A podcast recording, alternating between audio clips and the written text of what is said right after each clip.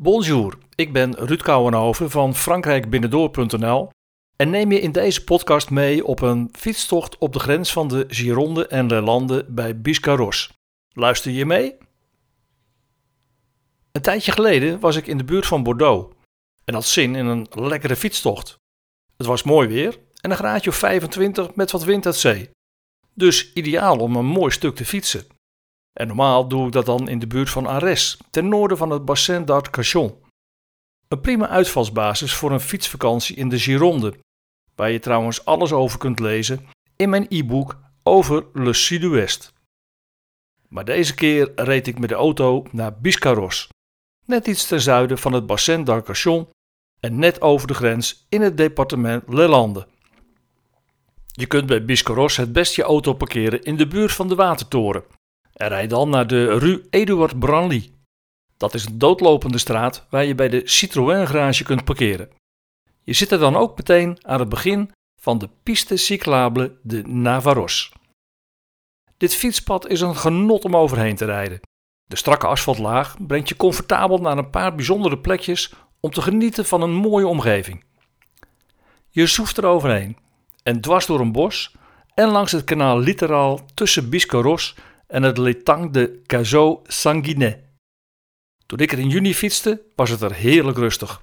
Het leek wel of ik samen met Mian de enige fietser was. Op een gegeven moment kruis je de weg naar Biscarros Plage. En hier moet je even goed uitkijken en oversteken, want het is een drukke weg. Maar aan de overkant gaat het fietspad dan langs het kanaal weer verder. Je komt dan uiteindelijk bij het prachtige blauwe Etang de Cazaux Sanguinet met een heel mooi zandstrand waar je kunt genieten van de zon, het zand en het water. Een ideale plek om met kinderen te verblijven, want in de buurt liggen er ook veel campings. Bij de plezierhaven van Ispe gaat het fietspad met een kort klimmetje de duinen in om een stukje verder weer bij het meer uit te komen. Hier fiets je dan een heel stuk langs het meer met een fantastisch uitzicht. En als je hier goed oplet, kun je zelfs nog een heuse grenspad tegenkomen tussen de departementen Lande en Gironde. En uiteindelijk bij de D305 gaat de route eerst een stukje langs de weg en dan opnieuw de duinen in richting Biscarros Plage. Eerst is het een prachtig fietspad dat glooiend door het mooie landschap gaat. Het was echt genieten om hier te fietsen. En op een gegeven moment gaat het dan de duinen in. Dat is wel heel mooi, maar het wordt ook steeds meer klimmen. En hartje zomer kan het behoorlijk warm zijn. Korte, pittige klimmetjes met lange afdalingen wisselen elkaar af. En in de laatste twee kilometer voor Biscoros Plage komt er een pittige en behoorlijk steile klim met een bocht die mij vlak voor de top te gortig wordt. Ik pakte de verkeerde snelling en kwam stil te staan. En de laatste 100 meter loop ik dan maar even omhoog. En bovenop staat een groot houten bord met de route.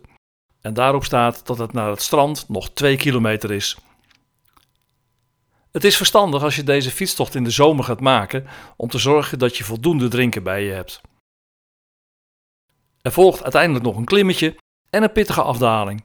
En dan rij je Biscarros plage in. Het is toeristisch, maar in mei en juni of in september is het er heerlijk rustig. Het is een prachtige fietstocht die je natuurlijk ook met een e-bike kunt maken.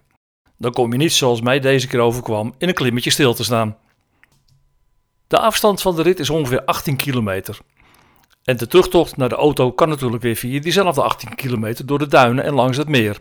Maar je kunt ook rechtstreeks via de D146 terugrijden. En dan is het ongeveer 10 kilometer. En deze weg die daalt voor het grootste gedeelte.